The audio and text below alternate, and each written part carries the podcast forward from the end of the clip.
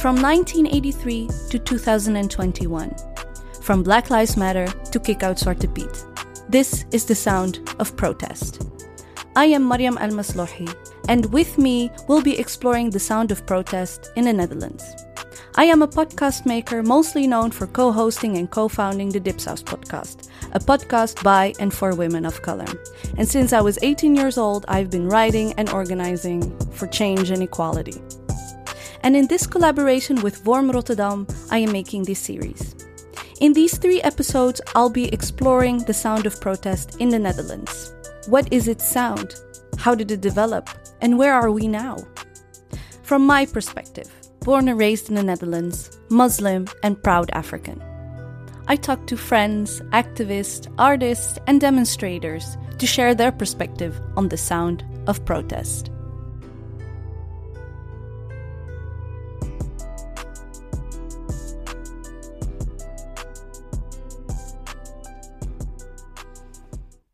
In this first episode, I'll begin with my first demonstration. I attended my first demonstration when I was 13 years old, on the 15th of February 2003. I had actually just turned 13 and it was freezing cold. I joined my sister and father, yes, quite the family affair, and joined the anti Iraq war demonstration. 70,000 people attended the demonstration, and it became the second biggest demonstration the Netherlands has ever seen. I'm not going to try to be the hero here. As a 13 year old, I had very limited understanding of political issues. I knew there was a conflict in Palestine, and 9 11 was the fault of all Muslims worldwide. 100 million extremist Muslims who are dedicated to the takeover and downfall of Western civilization. I asked my sister to join me and talk about that demonstration in 2003 and what she remembers from that day. Was one of my first uh, demonstrations because in 2003 I uh, got into an organization, Arab European League at the time, and I was one of the uh, board members of that organization, and we organized a lot of demonstration. This was not organized by us, but we um, we offered to to be present at the demonstration uh, because we felt like we should uh, because it was against the war in Iraq. And yes it was I can remember that day. It was a sunny day in on Saturday in Amsterdam. And a lot of our members came to that demonstration. We had a large flag the Palestinian flag because yeah the palestinian flag was always present at the demonstration uh, demonstrations. And so i can remember a news article because someone i can't remember exactly who maybe the security members of the uh, uh of the demonstration took the flag and my father uh, went to get it back they thought it shouldn't be at the demonstration because it was, it was about Iraq. Um, but I cannot exactly remember why. I just can remember that they took the flag and my father went to get it back. And when I was reading the newspapers, um, uh, I saw the article and it described this incident that an elderly man came to get the flag back, and an I elderly Moroccan man, yeah, and that was my dad. I remember this quite well. I remember really my dad chasing after that guy and grabbing back the Palestinian flag. Let me explain to you more about the demonstration that day. It was huge. 70,000 people were there. Some people just came there alone, and some people came there as an organization or as a group. The International Socialists were there, the feminists, but also the Arab European League. And a lot of members of the Arab European League were people of color and people specifically with a Muslim background. We were marching with that group, and that group was holding a huge Palestinian flag. What that organizer or security guy didn't know is that the Palestinian cause for decades has been a symbol, a symbol of resisting neo colonial policy in the Middle East. So, carrying that flag, one, showed solidarity towards the Palestinian cause, and two, also carrying the symbol of resistance. So yes, that was one of my first demonstrations. It was the second biggest of the Netherlands ever held. Oh yeah? Did you have? Did, were you aware of that at the moment? No, no, no, no, not really. not? I'm not sure why not. I think um I don't know. I think for me it was just important to make our voices heard and to take a stand against the war in Iraq and other because afterwards there were also demonstrations for the right to wear your headscarf as a Muslim woman. Um, and I can remember my brother as well made the banners for that demonstration. For me, it was just important to make to make yourself heard and to let the world know that this is a vo- voice as well. It was important our voices were heard, my sister said. Because we were a unique voice at that demonstration. We didn't stand out just because we were carrying a huge Palestinian flag or that we were of color. Why we also stood out is that we had some chants in Arabic.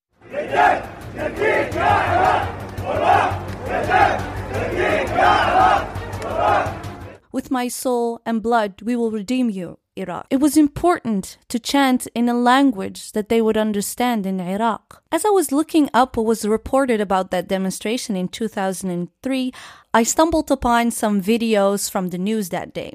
And I couldn't really recognize those images. It was a lot of kumbaya, give peace a chance, singing white hippies. Now we are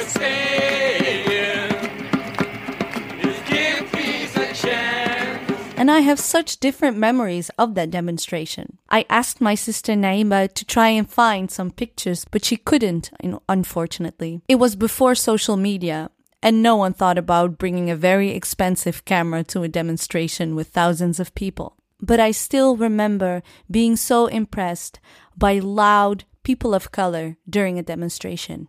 It was, I think at the time we were also saying that um, a war in Iraq or the trouble in Palestine won't stay there.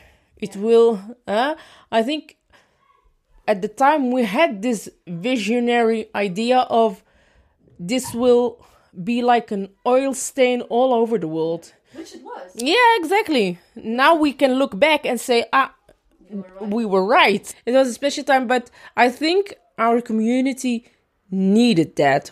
What is, do you think, the sound that, if you look back, what was that voice? If you can like narrow it down to a few sentences, what Uh, for, for, for me, it was I can be who I am. Uh, I can be who I am.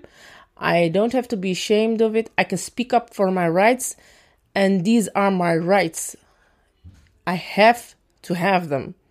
It's not a favor you're doing me. These are my rights. That was, I think, the main uh, thing we were fighting for at the time. Yeah, it was nice. It was nice.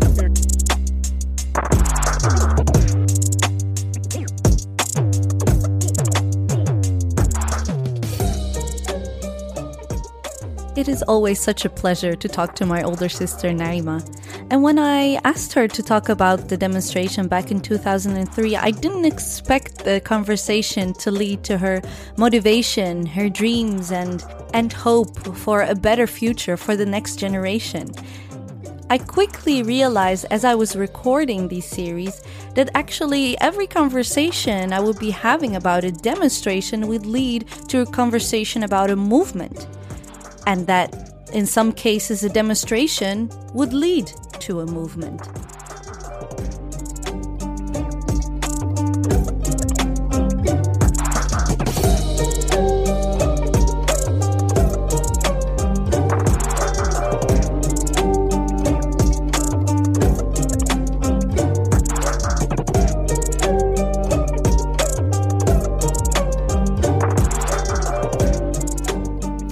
Asked Anousha Nzume to think back of the first time she heard the sound of protest or participated in it.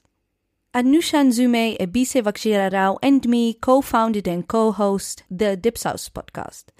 But before I knew Anousha for the wonderful, smart, warm, and amazing person she is, I knew her as an activist, an actress, someone who appeared on TV with a very, very unpopular opinion that Zwarte Piet is racist. She also wrote the book Hallo Witte Mensen, Hello White People, a book about racism, discrimination, and microaggressions in the Netherlands, which became, of course, a bestseller.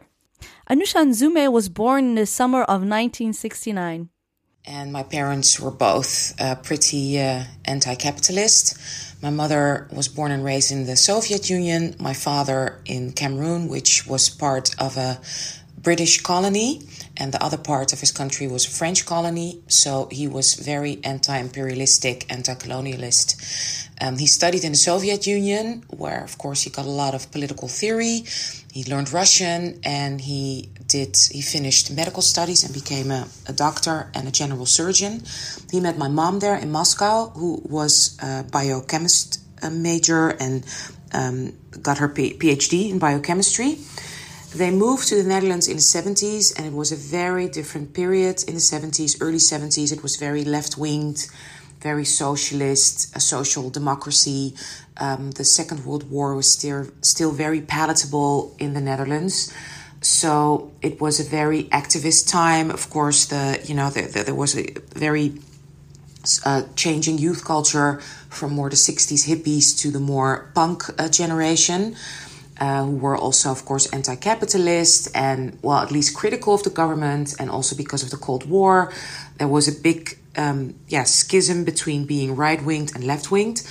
Even though I was raised in Amsterdam, which was officially more a left city, I lived at the part uh, that was close to a smaller rich village, uh, Amstelveen. I lived in Buitenveldert, and that was way more right winged. So the schools I went to were all very uh, right, more right winged schools where parents had stores, had small businesses, uh, or bankers. It was a completely different school. So I didn't, I wasn't raised in like a socialist or left winged um, atmosphere, even though at home it was.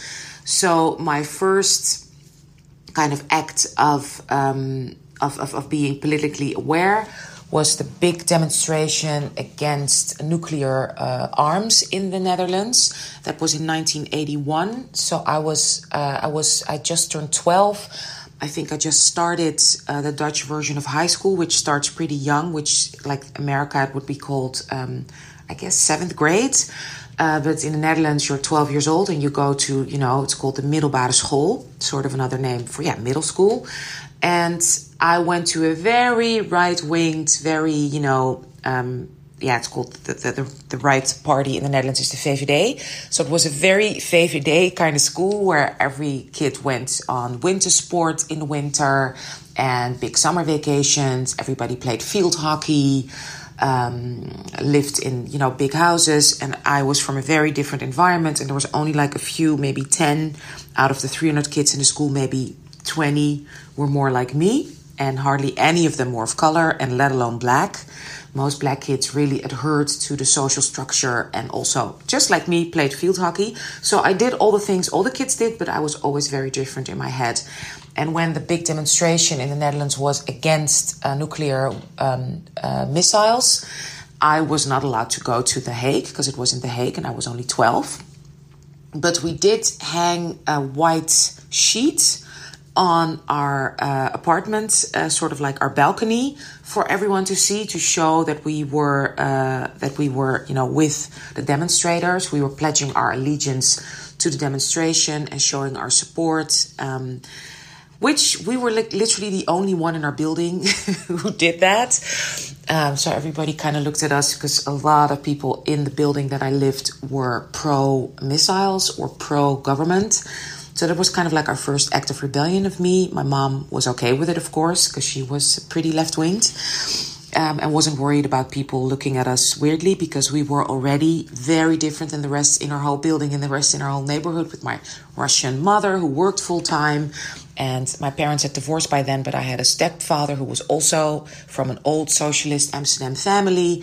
So we were the weirdos uh, of our of our building. Uh, so having that sheet out was really part of uh, yeah of our family dynamic and um, yeah that that was the first kind of action I we took as a family that I initiated as a 12 year old uh, daughter. I had the biggest smile on my face when Anousha told me about the family protest of hanging a sheet out of her window. I do think some of the best protests are with family. Fast forward to 1983, when Anousha attended a demonstration after a black boy was killed by a white supremacist. His name was Kerwin Duinmeijer. Kerwin had his roots in the Dutch Antilles. Since 2010, they are independent within the Dutch kingdom.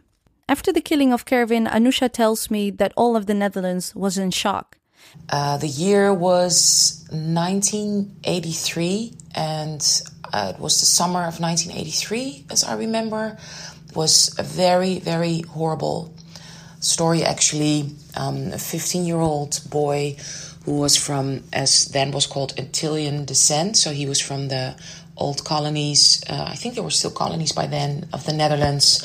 Um, his name was Kerwin, and um, his name was Kerwin Lucas. But he lived under with an adopted family, or sort of like you know friends of the family who he lived with. So he used their last name, Duinmeijer, but his official name was Kerwin Lucas. He was 15 years old, a couple of years older than me, because I was 14 at that time. I just turned 14. He was 15, and this boy this young child was killed uh, by a skinhead who was, I think, 16 or 17 at the time. Yeah, after a night out. And what made it so horrible was that he could have survived if the taxi driver had taken him to the hospital right away. But the taxi driver refused because he didn't want his taxi to get dirty. He didn't want blood spatters. So Kerwin was, was helped by another taxi driver. And then I think when the ambulance arrived, it was too late. He was brought to the hospital, actually where my um, where my first child was born, and he died there. Um, yeah, he was uh, he was killed. So that was yeah, it was it was a horrible, horrible situation. So he was killed uh, at a place where lots of young kids went out in the center of Amsterdam, and he died at the Onze Lieve Vrouwen Gasthuis. That's a, a, a very typical Amsterdam hospital where everybody has been once in their life. And he died because he lost too much blood. So it could have totally been avoided, his death. His death sparked enormous protest, like huge. That's something I've I don't think I've ever seen since. It's painful to realize how the Netherlands has changed since then, because then I, yeah, we all as people of color or as black people felt of course, huge pain, suffering. Racism was was pal- palatable in the Netherlands. It was it was a rougher form of racism. There were there were skinheads walking around the city who literally dressed in a particular way, as skinheads do. But when this happened, I have the feeling that literally the whole city was was behind us and this was a big no. This cannot happen. This will not happen in our city. That was on all the news stations, on every television show station. Everybody spoke about that in every newspaper, even the right-winged uh, newspaper that used to be, you know, on the part of the on the side of the Nazis during the Second World War, the Telegraaf. Now was this will not happen in our country. This is not, you know, what our country stands for, and I really, really vividly remember this, and that yeah, I, I, I had to go to that first demonstration that was right after his funeral. I looked at images of that demonstration and I was struck by the intersectionality. The mayor, Ed van Thijn, was there, but also people from the Moroccan community, Turkish community, all came there in solidarity. And what I also didn't know is that there is a song called Zwart Wit, Black and White, by the artist Frank Boeijen about this horrible event where a young man lost his life because of racism. S'avonds laat, plotseling aan de overkant, zag hij ze staan.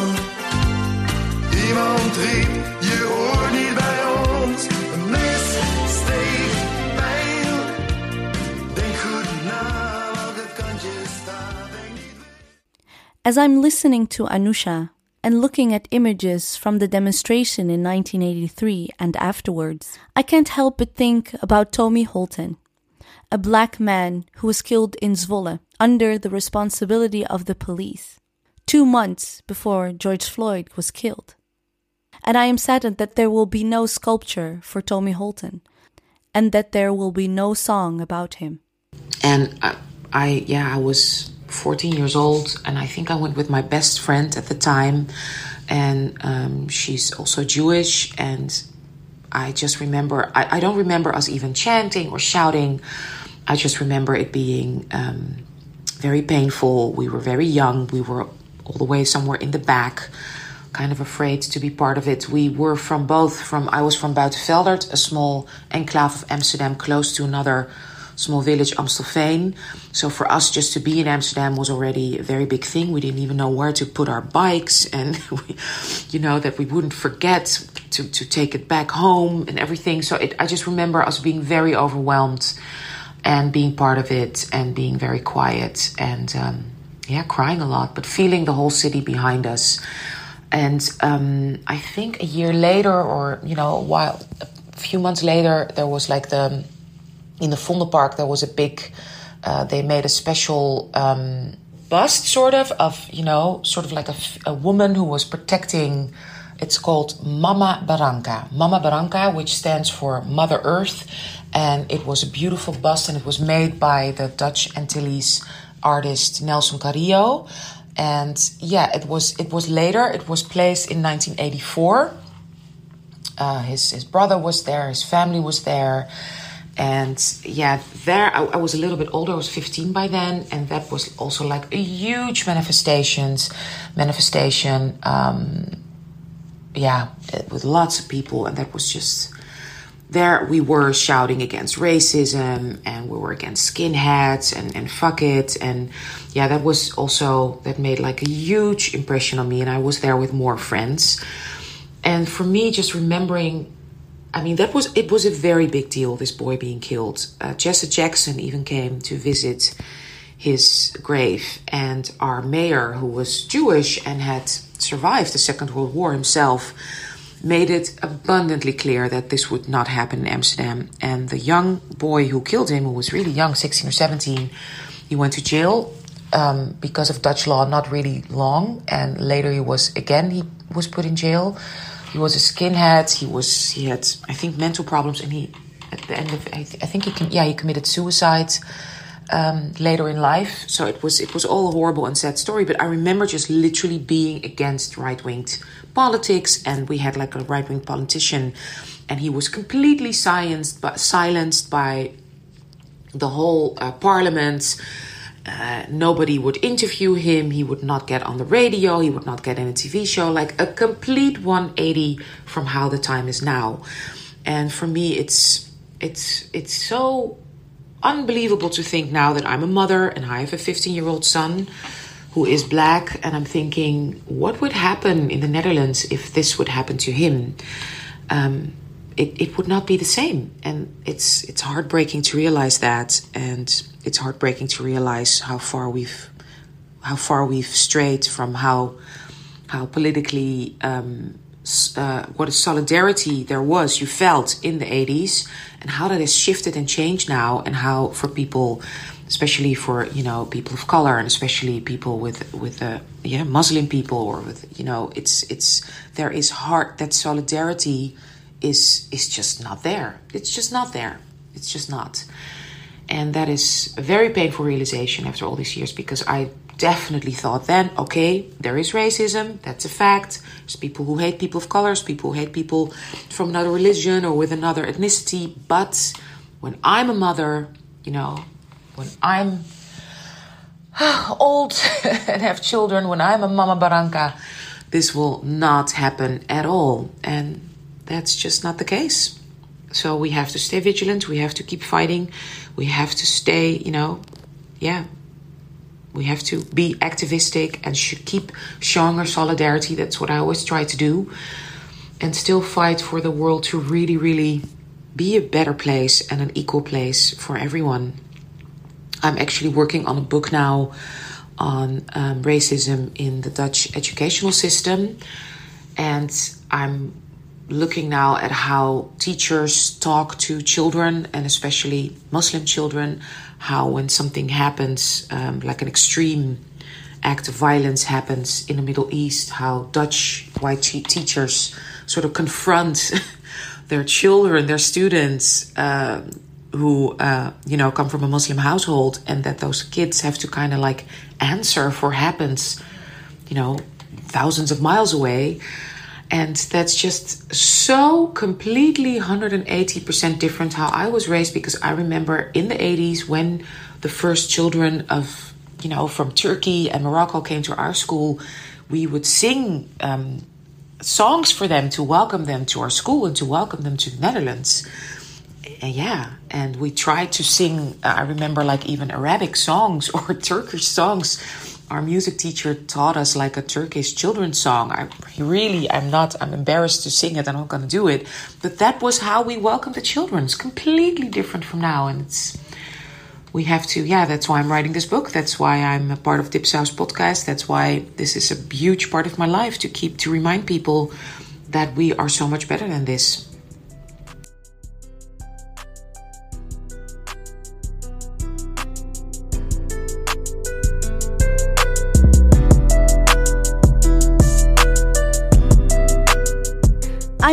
Say, this episode turned out very different. I thought that in the conversations with Naima and Anousha, we would talk more about the chants, the sound, the music.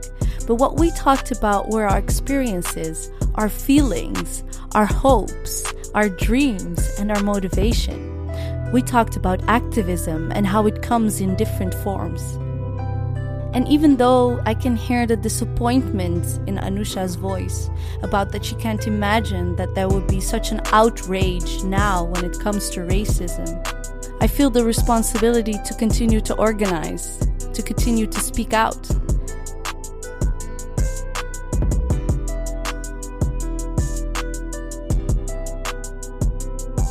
In the next episode, I talk to artists about the vibrations of a protest.